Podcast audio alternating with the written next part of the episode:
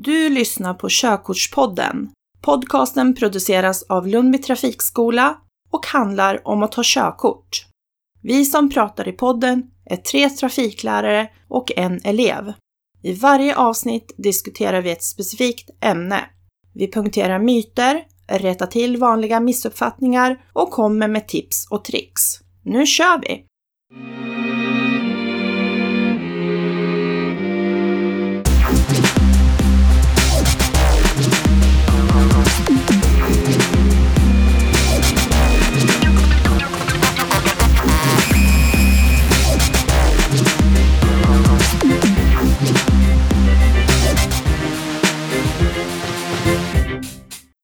Hej och välkommen till Körkortspodden. eh, Där jag, Jakob Svärd, som är körkortselev, eller åtminstone har varit det på Lundby trafikskola, tillsammans med Sara. Och och Malin. Malin. Och ni är trafikskollärare på Lundby trafikskola. Yes. Där vi diskuterar detta med att köra bil och detta med att ta körkort. Mår ni bra idag fortfarande? Ja, Jajamän. jättebra.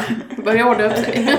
Vi spelar in det här avsnittet tätt efter det förra. eh, Så eh, sinnesstämningen här inne har inte hunnit ändras sen, sen förra gången. Det blir bara bättre och bättre. Mm.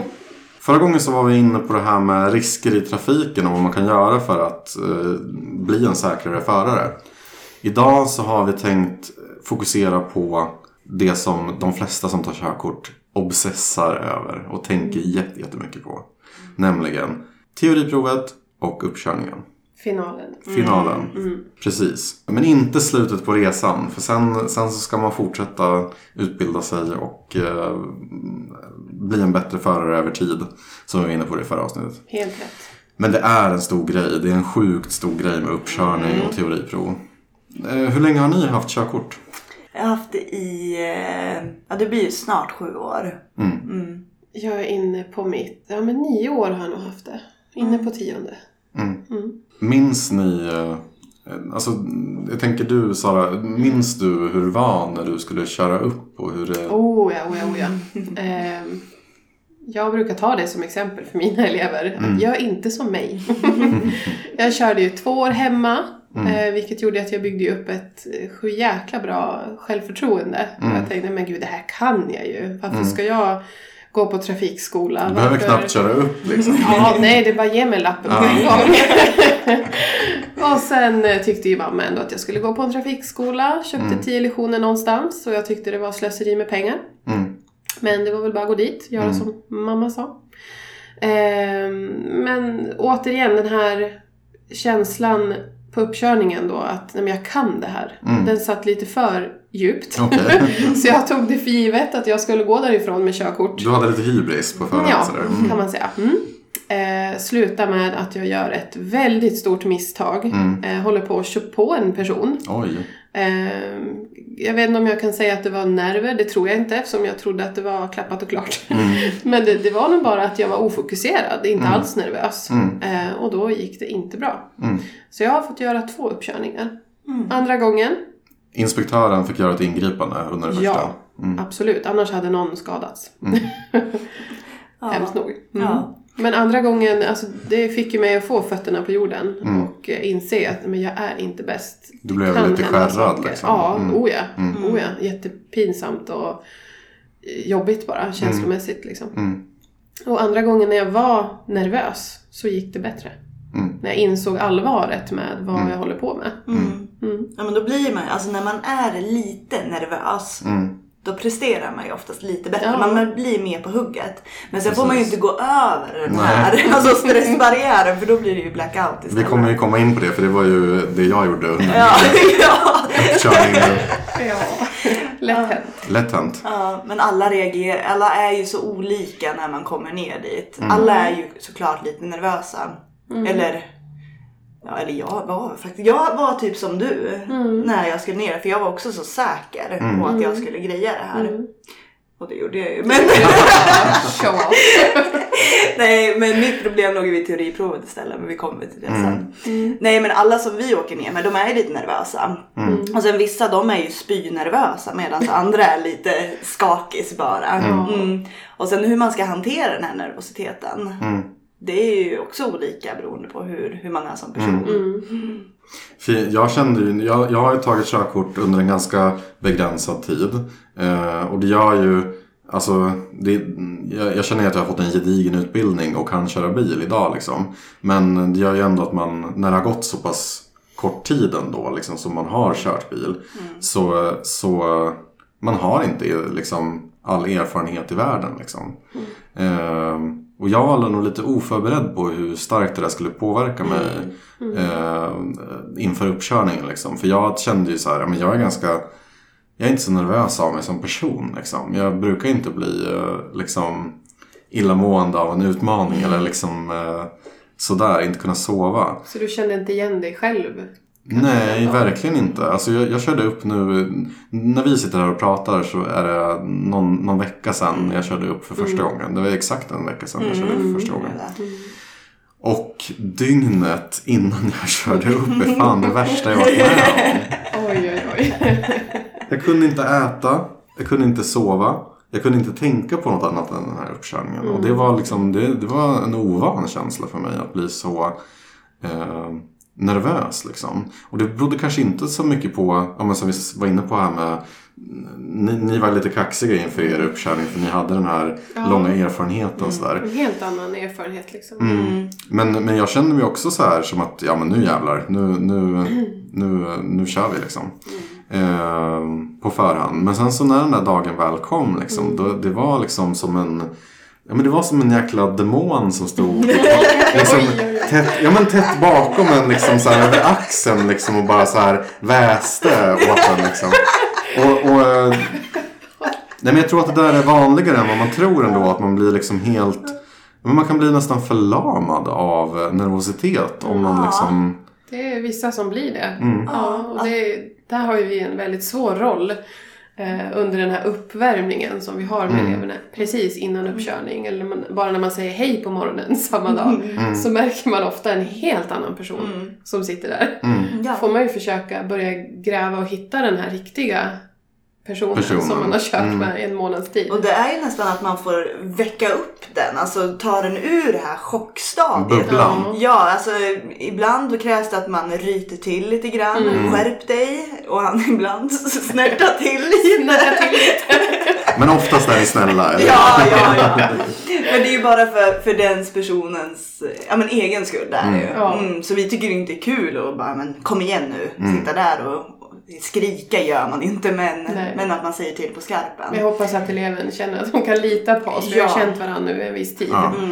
Eh, Man, man kan behöva lite hjälp att, att bli eh, liksom, väckt från den här dvalan eller den här bubblan av nervositet. Eh, För att kunna fokusera. Eh, Och som vi var inne på så är ju ett visst mått av nervositet höjer ju ens prestationsförmåga. Men blir det för mycket då, då sitter man ju bara där och skakar och liksom, Ja. det, Alltså ingenting vi, funkar. vi alla behöver ju ha lite stress och nerver för att kunna prestera överhuvudtaget. Mm. Eh, jag brukar ta elitidrottarna som, som exempel. Mm. Eller um, Usain Bolt när han ska springa sina 100 meter. Mm. Jag tror inte att han står och halvsover vid startlinjen utan Mm. han har ju taggat och han har nog liksom eh, nerver i magen Mm. eh, som pirrar lite. Men det gör ju bara att han presterar sitt absolut bästa. Mm. Eh, men det är ju, är man ovan i sådana situationer att man behöver prestera då är det ju svårt att veta vart man har sin gräns. Mm. Alltså hur nervös kan jag bli utan att det slår Försämrar över? Ja, det blir för mycket. För jag tänker det där, alltså så här, för, för veckan innan uppkörningen, eller uppkörningsveckan. Den var ju verkligen, alltså det var som en, eh, som en, eh, eh, så här, det var, så, det var berg och dalbana, verkligen. Alltså så här, det pendlade från dag till dag. Ena dagen var det så här, jag kan köra bil, Ja. jag kan köra bil. Jag är jätteduktig på att köra bil. Och sen så, här, men så här, jag är ga- ganska duktig på att köra bil. Och sen, sen andra dagen så var det bara så här, jag kan inte alls köra Kommer bil. den där demonen och Ja. säger att du är Ja, men exakt. Ja. Men det är ju någonting som är väldigt vanligt upptäcker man. Att när det börjar närma sig själva körprovet. Mm. Då kommer de här tankarna. Alltså man börjar tvivla på sig själv, prestera lite sämre. Men sen så rycker man upp sig och liksom bara jo men det kan jag. Och sen går det ner lite igen. Ehm, och det är alltså helt normalt. Det är nerv- nerverna som, som spelar roll där. Mm. Det jag tyckte var liksom den, den, eh, den, den liksom effektivaste medicinen mot det där på något sätt. Det var ju det här som man kan få då om man går en utbildning via en trafikskola, alltså en testuppkörning. Mm. Där, kan ni förklara hur en testuppkörning går till? Ja, då åker man ju med en annan lärare mm. gentemot den man är van vid. Mm. För det blir ju oftast när man har kört med en lärare under hela utbildningen, man känner sig väldigt trygg med den. Mm. Eh, och då byter man för att på körprovet kommer man ju inte köra med någon man, man känner. Mm.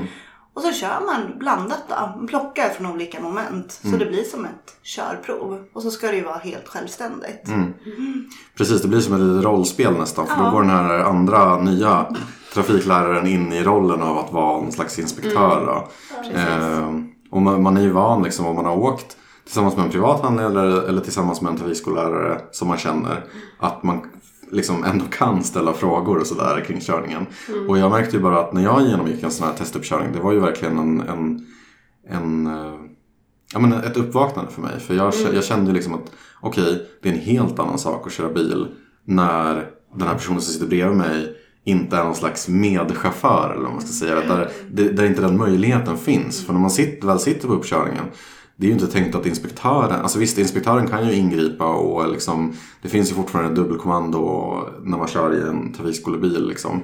Men, men, eh, men det är ju inte meningen att inspektören ska gå in och hjälpa en att köra, verkligen inte. Det är ju, det är ju rakt motsatt poäng snarare. Mm. Ehm, och det där var så himla nyttigt bara, att få känna på den mentala skillnaden liksom, i att ha någon som man är trygg med, att man kan veta vad man kan fråga om vad man nu undrar över. Liksom. Eh, jämfört med att sitta där med en, med en okänd människa som förväntar sig att man ska köra den personen på ett tryggt sätt till en viss destination. Liksom. Mm. Så det kände ju jag liksom, att det är verkligen ja, men det, det är en jättebra förberedelse. Liksom. Mm. Ja, men det är kul att du som elev också har känt att den, att den ger någonting, mm. den här utbildningskontrollen som vi mm. kallar den för. Mm. Eh, men det är också för, för oss lärare så är det ju Eh, ett sluttest för att se hur långt du har kommit och om du liksom håller måttet att eh, genomföra din riktiga uppkörning inom en snar mm. framtid. Eller om det finns någonting lite smått man måste eh, träna på mm. lite extra, peta mm. lite på där på slutet. Mm. Så vi, vi kanske ser den på ett annat sätt än vad, eh, än vad eleven gör mm. många gånger. För i mitt fall blev det så tydligt att liksom, jag hade ju kört bra dagarna innan och körde bra dagarna efter. Mm. Eh, och det blev så tydligt att det var ju en mental grej. Alltså, ja. det, var, mm. det var en annorlunda kontext, det var annorlunda förutsättningar och det påverkade mig mer än vad jag trodde. Mm. Ja. Och det är ju jätteviktig liksom, insikt på något sätt på, väg, på vägen mot körkortet. Mm. Ehm, för jag tänker om, om vi går in lite mer på min personliga berättelse kring hur det var när jag körde upp. Ehm, så det var ju så att mina, mina nerver faktiskt tog eh, överhanden. Mm. Eh, när jag körde upp första gången. Jag, jag lyckades inte som, eh, som eh, Malin köra upp perfekt. eh, det behöver inte betyda någonting. Nej, exakt, exakt. Jag, jag klamrar mig fast vid det liksom. Nej men eh, det som hände för mig var ju att jag, jag hade ett sånt här dygn av ångest som vi var inne på. Eh, satte mig, men jag var ändå rätt så här, vi, jag körde upp, eh, jag upp, värmde upp tillsammans med Malin innan och det kändes bra. Vi var båda rätt övertygade om att det här skulle gå vägen. Liksom. Mm. Eh, jag satte mig i bilen tillsammans med en inspektör. Eh, och det kändes ganska bra till en början. Liksom. Eh, jag var sjukt nervös. Eh, skakade lite på händerna när jag skulle växla och sånt där. Liksom. Och det första som händer är att jag blir ombedd att köra ut på motorvägen. Och eh, jag är så koncentrerad på att göra en fin acceleration och hitta en lucka och liksom... Malin har tjatat.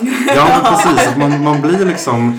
Det, det är lätt hänt under en körkortsutbildning att man fokuserar så himla mycket på det man blir lärd på något sätt. Mm. Att, liksom, att, att det är som att bara man lär sig de här tricksen eller bara man lär sig den här liksom, de här momenten så, så eh, kommer det gå bra. Och det, Detaljstyrt ja. istället för bara här och nu kanske. Ja. Och det är ju också någonting som acceleration, det har ju du varit lite försiktig med mm. från ja, och till. Var... Och då tänkte du väl nu att nu, nu, ska jag visa här. Men då är det alltså det första som händer när jag kommer över backkrönet i påfarten. Att det bara dyker upp vägarbetet från helvetet höll jag på att säga. Ja, eh, nej men det är liksom så här. Ja, i min mening ganska otydligt skyltat. Eh, det var säkert inte så ot- otydligt skyltat som, som jag tyckte i den stunden. Liksom. Men, eh, men det, det dyker upp massa vägarbetsskyltar på den här påfarten. Eh, det är väldigt så här, känslig sträcka just att det är på en påfart till motorväg. Där man liksom, om man i början av sin bilkörarkarriär kanske känner att det är lite läskigt att liksom ta sig ut på en motorväg. Att man måste få upp farten. Att det, liksom, eh, det är läskigt med bilar som kör snabbt. Liksom. Eh, och här var det ju såklart en nedsatt hastighet liksom, direkt när jag kom upp på den här påfarten. Och det gör mig så ställd. Liksom. Jag ser bilar i backspegeln som kommer snabbare för de har ju inte hunnit fram till det här väg- vägarbetet än. Eh, och ja, men det blir hjärn, hjärnsläpp, liksom, kortslutning. Eh, och det som hände var ju att min, alltså, min kropp re- reagerade instinktivt med att bara så här, okej vad är det minst farliga här? Eh, när jag nu får hjärnsläpp. Och då tänker jag liksom att så här, ja, men om jag kör fram så långt som möjligt i sakta fart och eh, stannar eh, vid sidan av vägen. Eh, vid sidan av påfarten. Så är ju det liksom, jag, jag såg ju att det var fritt och sådär. Det, det var ju inte farligt så för någon. Eh, och vi riskerade inte att bli påkörda bakifrån eller något sånt där. Eh, men man kan väl ganska lugnt säga att jag var kuggad redan där. För jag blev ju så rådvill, jag visste inte vad jag skulle göra. Och jag, jag fick ju be liksom instruktören att så här, ja, hur, hur, ska, hur ska jag göra nu liksom? Ja. Eh, och det där var ju någonting som, eh, alltså om man gör ett så stort misstag i början av en uppkörning. Det är svårt att liksom vända det. Det är svårt att få där, den känslan av misslyckande att släppa. Eh, så, så resten av min uppkörning gick, gick mycket bättre. Eh, men det var fortfarande sådär att när jag skulle ut på en parkering i- ute vid vid ett shoppingcenter så var jag inte helt uppmärksam och lyssnade inte på eh, exakta instruktioner och valde min egen parkeringsplats istället för att parkera bredvid en bil som jag hade blivit ombedd att göra. Eh, och sen mot, mot slut, alldeles mot slutet av uppkörningen när jag kom tillbaka helt förstörd av den här liksom, mentala stressen efter att ha misslyckats med det här som jag varit så himla nervös över. Eh, så, nej men så, så kunde jag helt plötsligt inte parkera. Alltså inte göra en vanlig köra in parkering. Eh, för att jag var så liksom slut i skallen. Och eh, det... Nej men eh, det, det, det, intress- det, det var väldigt intressant att misslyckas med min första uppkörning ändå. Eh, för det där påverkade mig ganska mycket. Alltså direkt efter uppkörningen så kände jag så här. Okej, nej. Jag kan nog inte köra bil. Jag kommer kanske aldrig kunna köra bil. Alltså till och med, till och med så. Alltså mitt självförtroende. Det har inte att göra med min, liksom, det hade inte att göra med min kunskapsbas eller min eh, liksom hur duktig jag var på att köra bil egentligen. Det var ju bara att mitt självförtroende bara så här punkterades. Alltså så här, det där misslyckandet, det var som en, ett häftstift in i en ballong. Liksom, bara poff. Eh, men det som hände sen direkt efter den här uppkörningen, det var ju att jag liksom satt och funderade och bara liksom så här, ja nej men eh, det, det, liksom att, att det sjönk in på något sätt som, som en lärdom snarare än ett misslyckande. Ja. Eh, och jag, vi- det, det vi enades om direkt efter den här fadäsen från min sida var ju att vi skulle pröva igen ganska omgående. Och det känner jag så här i efterhand att det var jättebra att vi gjorde det. Ja, för det var ju som jag, jag visste ju, du kan ju köra bil. Ja. Sen var det ju nu, alltså det var så mycket på en gång rent mentalt så att det blev bara kaos i Mm, huvudet. Och då tjänar ingenting till att bara, men vi väntar några veckor utan Mm. då är det bara på det igen. Så vi bokade in någon lektion så Mm. vi bygga upp självförtroendet. Och sen körde vi igen. Precis, för det, det, jag, det jag kände var väl liksom att om jag hade kört privat eller om jag inte hade haft liksom peppande trafikskollärare som Malin eh, så, så hade det nog varit ganska lätt att jag hade liksom tagit det där misslyckandet och ja, men typ så här, kanske inte kört bil på ett år och sen börjat om. Liksom. Eh, det har jag hört liksom bland vänner och bekanta så här, att det har skett ganska ofta sånt där. att man Det är misslyckas jättetråkigt. Och så blir man så drabbad av det att det liksom, man, man skjuter upp det. Så det har ju vi också varit med om. Ja, Folk som har varit så nära på körkortet. Mm. Men sen så har de varit med om något sånt här och bara tänkt nej jag kan inte. Mm. Och så skiter de totalt i det. Och det är mm. Det vill vi ju helst, alltså det är ju det sista vi vill se. Att någon har ja, men lagt den här tiden och pengar på att ta körkort och sen på grund av ett, ett misslyckande under prov eller vad det nu kan vara. Att nej men jag, jag ger upp. Ja. Det, det finns inte i våran... För det, är så- det man får komma ihåg, alltså ett körprov. Man Mm. vet ju aldrig vad man förväntar sig när man åker ut på ett körprov. För att Nej. trafiken ser ju olika ut. Ja, men varje minut, varje timme. Alltså, Exakt, och inspektörerna väljer olika rutter. Ja men exakt, så man vet ju aldrig. Och som i ditt fall nu, nu stötte du på någonting du absolut inte var beredd Mm. på. Och sen när man är det här spända, nervösa, man vet hur man ska göra, man är så inställd på det. Och sen kommer någonting som bara, nej Mm. jag kan inte göra så. Så måste man ställa om. Det är, Ja, Precis, men, men den här situationen hade ju inte varit så här eh, liksom skräckinjagande om jag inte hade befunnit mig på en uppkörning. Liksom. Alltså i, i, om jag hade kört själv där, liksom, om jag hade haft körkort så hade jag ju liksom, okej, mm, nu är det nedsatt hastighet här och då måste ju de där liksom, från motorvägen också sänka sin hastighet. Det är bara att hitta en lucka som vanligt. Liksom. Då, då, tror, då hade du tänkt så Ja. mera. Ja. Men det är Men man, att ja, man blir så himla fokuserad på att prestera. Att det liksom, man har de här ögonen på sig. Ja. Att det är jättejobbigt. Ja. ja men precis, så att, att liksom man blir så medveten om det där rampljuset på något sätt. Att det, liksom, det tar bort den från det riktigt viktiga. Alltså att, att köra bil. Att, att, att köra bil som, som eh, liksom är säker för alla inblandade. Det är ju liksom det är ju inte så när man kommer till en uppkörning så ska man ju inte tänka, alltså det, det, så tänker jag liksom att jag kommer tipsa eh, andra elever i framtiden liksom om, om de skulle vilja ha tips eller råd hur man ska göra inför en uppkörning. Tänk inte på det som, som liksom eh, ett test där man måste ha alla rätt eller så får man aldrig köra bil eller sådär. Utan tänk på det som att kör bara, liksom, försök köra som, som du alltid har gjort liksom, eller som du har gjort under din utbildning. Och tänk på att det ska bli säkert liksom, och att du följer de regler du har lärt dig. För att det är ju det blir ju nästan farligt om man liksom går in i det där för mycket. Ja, men det är det det blir. Att man tänker test, prov, prov, prov. Nu ska jag verkligen bevisa här. Och jag har hört massa olika varianter som folk går in i mentalt innan körprov. Just för att de är nervösa. Jag hade en tjej för ett tag sedan. Hon låtsades att hon var taxichaffis. Och sen hade hon plockat upp en kund. Och sen skulle hon köra kunden. Det låter som en jättebra strategi. Ja, ja men det är ju det. Och så brukar jag säga också att ja, men till vissa elever som är nervösa, låtsas att det är jag som sitter bredvid. Bara Ja. det att jag ser annorlunda ut. Ja. ja men att man inte försöker göra så stor grej av Det det. är som Tom Cruise i Mission Impossible när han drar av sig den där masken. Har du sett det? Nej. Nej, okej. Ja. Nej, men lå, låtsas, att, låtsas att inspektören är er trafikskollärare. Ja, eller bara att, Någon man känner sig trygg med. Ja, en kompis. Vad som helst. En person som vi bara vill ha skjuts någonstans. Ja. Peka vart du ska köra. Man ska bara ut och köra lite bil. Mm. Jag Ja. brukar alltid säga det. Nu är det du som kör. Ja. Det, det är inte mer konstigt, mer konstigt än så. Du har kört bil länge nu. Vi vet att du kan det här. Mm. Och mitt andra tips som jag skulle ge till någon som ska köra upp det är ju efter, efter det här eh, första misslyckandet och mitt senare lyckade körprov då. Eh, det är ju att vara inte rädd för att misslyckas heller. Alltså, Ja, det är inte hela världen. Man Nej. överlever. Ja. Alltså så länge man inte har krockat så är det ju liksom en, en, en framgång. Ja. Men, men, nej, men att, att eh, det är inte farligt att bli underkänd. Eh, Nej.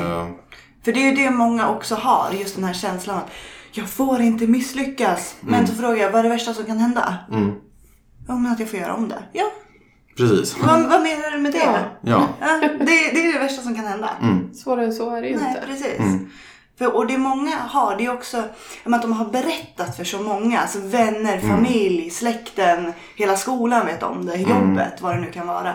Och då känner de mer att de måste prestera för deras Mm. skull än för sin egen skull. Mm. För då går, åker de runt och tänker, Åh, undrar vad jag ska säga till dem nu, om jag kommer klara det eller inte klara det, bla bla bla. Och då sitter de där i bakhuvudet under uppkörning. Ja, det ska, ska det inte heller Nej, de ska vara. inte vara med där. Den där prestationsångesten. Mm. Men det är precis som vi varit inne på det här med liksom fortbildning och, och risker i trafiken och sånt där. Alltså, lär dig köra bil och kör upp och gör alla de här sakerna för din egen skull. Och låt det ta den tid det tar. Liksom.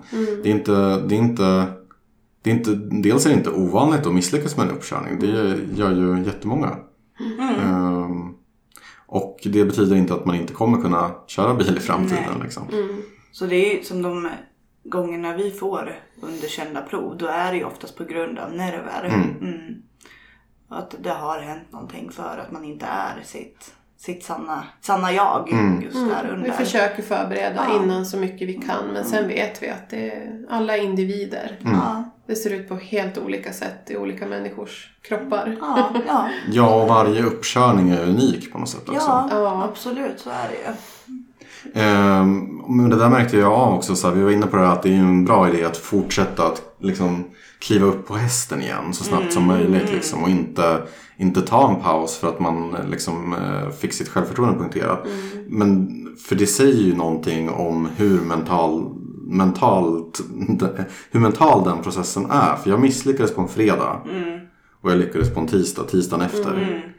Det, är liksom, det var inte som att jag hade lärt mig något nytt Nej. Nej. de dagarna. Utan det var ju bara, den enda skillnaden var psykologisk. Jag brukar säga det att efter ett underkännande, eh, vilket det nu är, teori eller uppkörning. Mm. Men man får ta ett dygn där man är besviken och arg och ledsen och allt vad det kan vara. Men sen måste man börja blicka framåt igen. Jag gräver inte ner det. Nej. Liksom. Nej, det är inte hela världen. Nej, Mm. det är inte. Men den andra stora biten av att ta körkort då, det är ju teoriprovet. Ja. Ja, nu tog vi lite fel ordning. Ja, precis.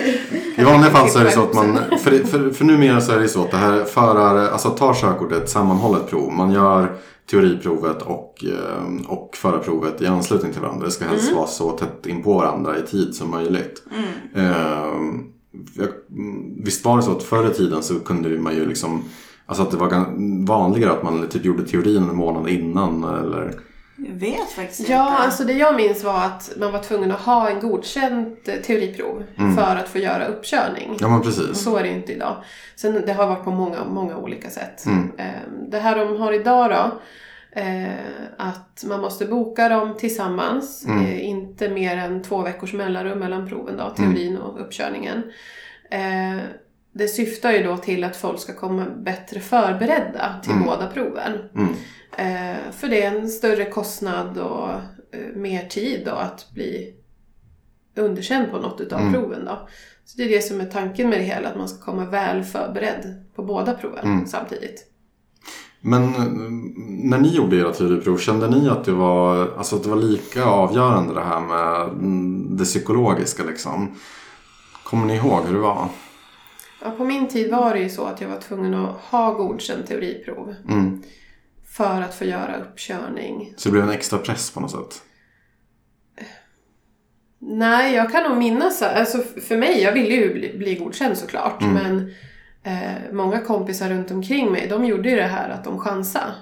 Mm. Teoriprovet var ju inte så dyrt. De visste att de kunde köra bil. Precis, och så har man ju, vad är det, 25% chans eller något att, att råka pricka in rätt Ja, svar. fyra svarsalternativ, Mm. ett är rätt. Ja, precis. Att de eh, valde att chansa då istället. Att göra teoriprovet kanske tio gånger. För sen vet de att de klarar uppkörningen sen. Mm. Och det, har ju, det blev ju jättedålig statistik på just teoriprov Mm. då. Mm. Och det är ju en ganska farlig inställning ändå. Ja, precis. För det är ju inte som att så här, det är inte som att det praktiska momentet av att göra ett förarprov, att det är Nej. allt liksom. Utan det som vi har varit inne tidigare på i den här podden, liksom, teorin och praktiken går hand i hand. Och har, har man liksom luckor eller har man svaga länkar i kedjan på något av de här ställena så, så gör det en till en mindre säker bilförare. Då Liksom. går det inte ihop i slutändan liksom. Så chansa inte på teoriprov liksom. Inte något utav. Nej. Nej. Var redo när Mm. man gör det. För att det är så ovärt att åka ner dit och chansa för då måste man ändå åka tillbaka och göra om det igen. Ja. för att det är inte så stor sannolikhet att man får godkänt. Nej, precis. Och att, det, och att det är 25% sannolikhet att man svarar rätt på varje given fråga. Det innebär ju inte att det är 25% chans att man klarar hela provet. För, varje ny fråga så, så minskar ju chansen. Liksom, Ja. att man råkar klicka rätt. Mm. Ja, men det är som du säger, teorin, teoripluggandet och själva övningskörningen ska ju hänga hand, hand i hand. Ja. Eh, Egentligen tycker jag att man ska ha öppnat teoriböckerna innan man ens ger sig ut och kör. Att teorin ska ligga lite snäppet före hela tiden. Mm. För att körningen sen ska kunna komma ikapp. Men det är ju så vi gör också när, eh, när vi ger läxor Mm. efter körlektionerna. Då säger inte vi, ja men läs om det här, eller ibland kan vi säga läs om det här vi gjorde idag. Men ofta Mm. så är det ju nästa gång då ska vi gå igenom det här. Då läser du på Mm. de här Innan. sidorna. Precis. Så man har en grund, en teoretisk grund. För då kommer det bli lättare att eh, ja, men gå igenom de nya grejerna och då kommer man ha en annan förståelse för det. Men sen är det självklart att man, man kan ju inte bara lära sig köra bil genom att läsa om det. Utan man måste ju öva på det praktiskt och se det i verkligheten. Det är ju två delar av en väldigt Mm. utgrundlig anledning. Vad är de vanligaste fällorna som ni har upptäckt när det kommer till teorin då? Är det liksom, jag tänker idag så då har man ju dels det här liksom klassiska bokmaterialet, liksom, Mm. körkortsboken och sådär. Men idag så har vi även appar där man kan självtesta sig och sånt där. Mm. Eh, och jag märkte ju direkt att liksom, det, är någon, det är någon slags mänsklig mekanism på något sätt. Att får man en sån här app i handen och kan börja liksom så här, testa sig om och om igen. Mm. Det är ganska lätt hänt att man liksom, att det blir en så här Alltså jag försökte ju aktivt motverka det. Men, men, men att man liksom hänfaller till att, att uh, syssla med någon slags IT-inlärning. Där man, Man lär sig, ja, men exakt, man lär sig känna igen de rätta svaren. Exakt, och det varnar vi alla för när vi Mm. har den här appen. Att ni får absolut inte memorera rätt Mm. svar. För att då kommer ni, då, då spelar det ingen roll, då har ni inte lärt er någonting. För det kommer inte vara samma frågor sen. Och i, i trafiken, man måste ju förstå varför Mm. det är som det är. Så att när man gör de här testerna på, på elevcentralen då, så Mm. man där. Att man, kommer man till en fråga att man inte vet vad svaret är, att man slår upp och Mm. läser om det. Använd böckerna. Ja. Det är väl det. Många bara lägger dem åt sidan och låter dem samla damm. Mm. Men det är, där har ni ju facit. Kan ni inte svaret på en fråga då är det i boken ni ska hitta svaret. Och på så sätt så blir det en process av det hela och då minns man också bättre. Ja.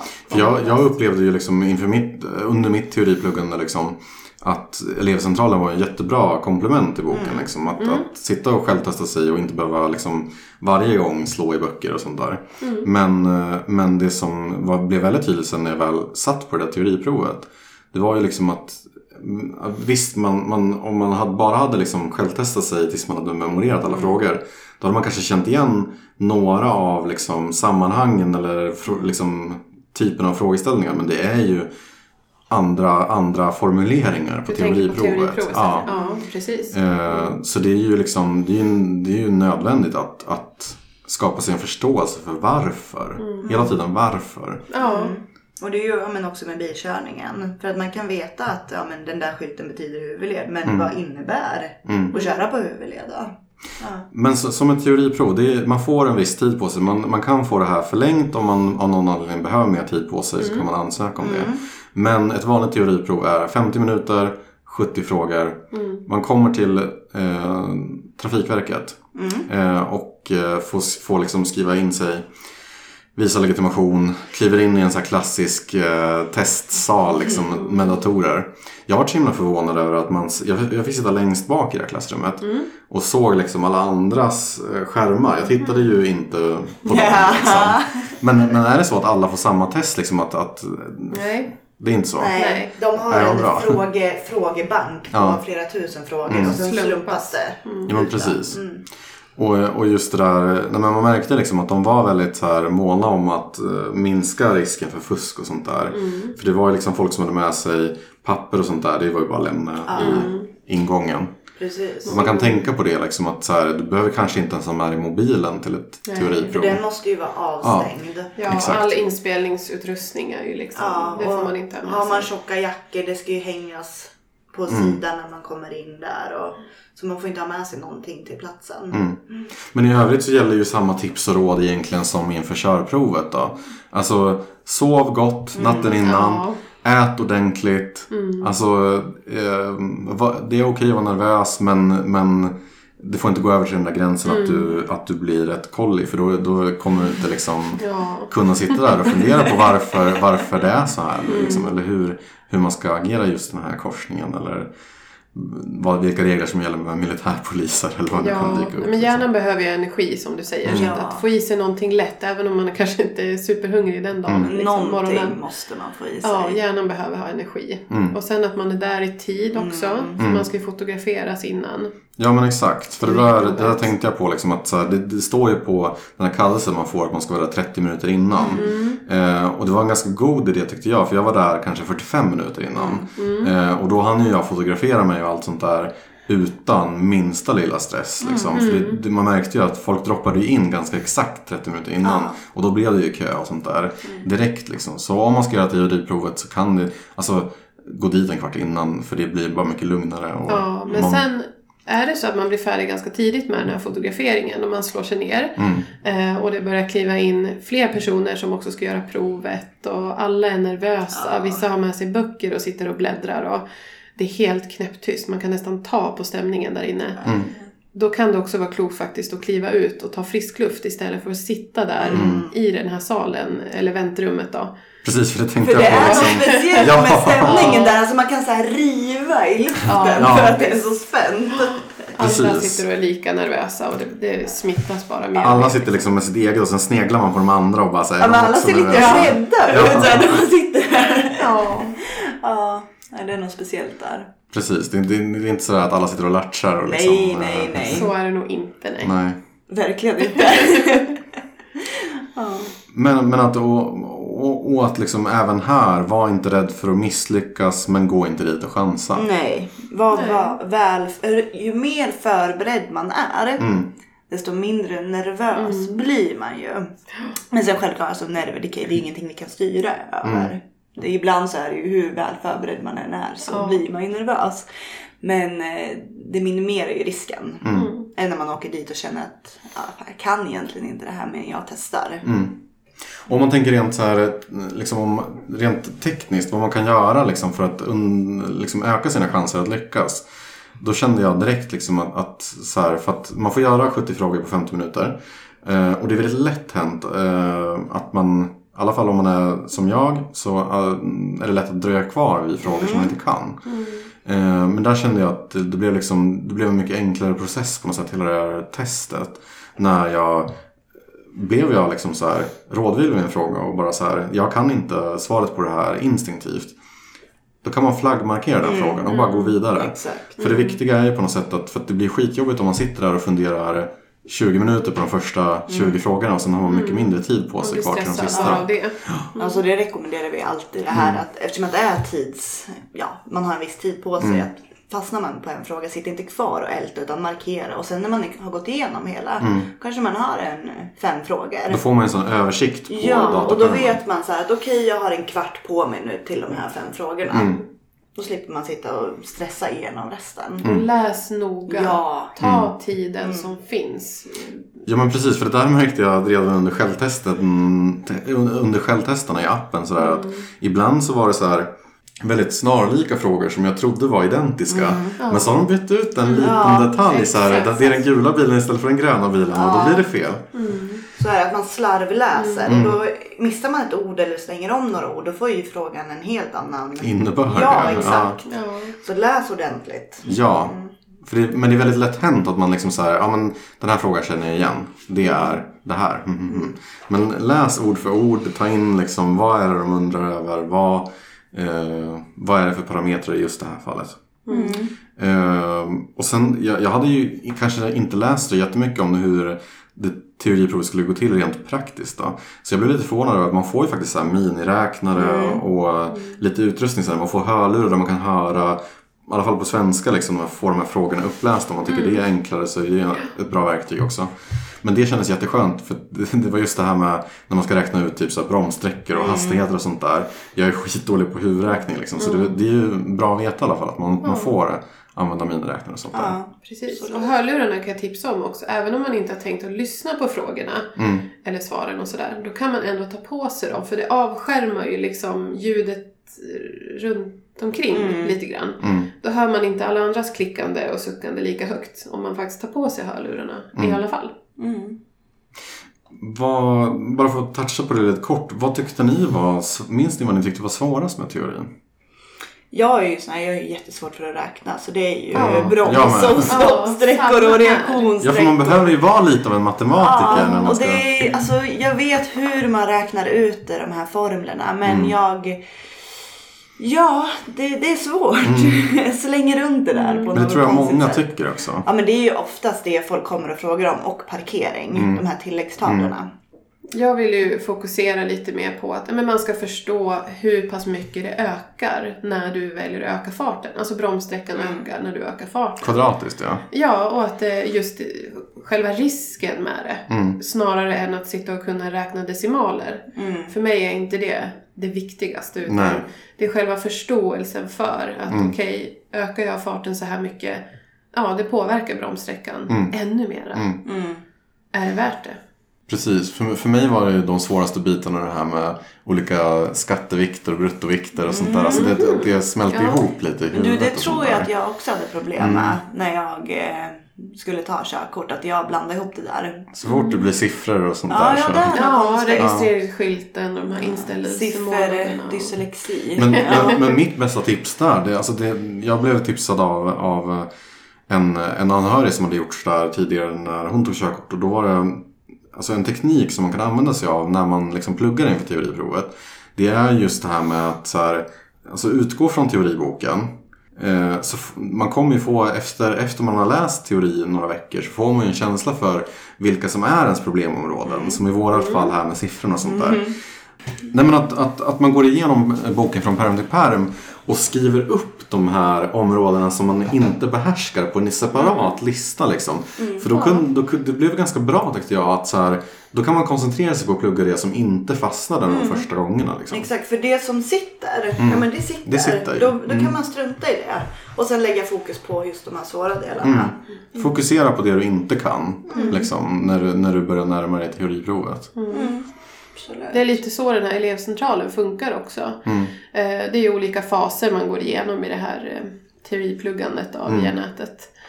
Eh, Och de första faserna är ju sådana här grundläggande basic-frågor. Och där räknar programmet ut vilka kategorier du har svårast för. Och sen i repetitionsfasen då kommer det mest sådana frågor. Mm. Vet, vet inte om du visste om men det är Nej, så den gör. Men det var egentligen därför jag fick sitta och räkna på mycket matte där. Exakt. Ja, Exakt. precis. Så att absolut, Mm. det är så man gör. Eh, och sen vill jag också säga det här med, eh, du pratar om appar och sådär, att vi har ju vår, trafikskolorna har ju sina, eh, elevcentralen. Eh, men så finns det ju också mycket privata appar som man kan ladda ner nu, det finns ju hur många som helst. Eh, och där bör man vara källkritisk. För idag kan faktiskt vem som helst skapa en app och lägga upp.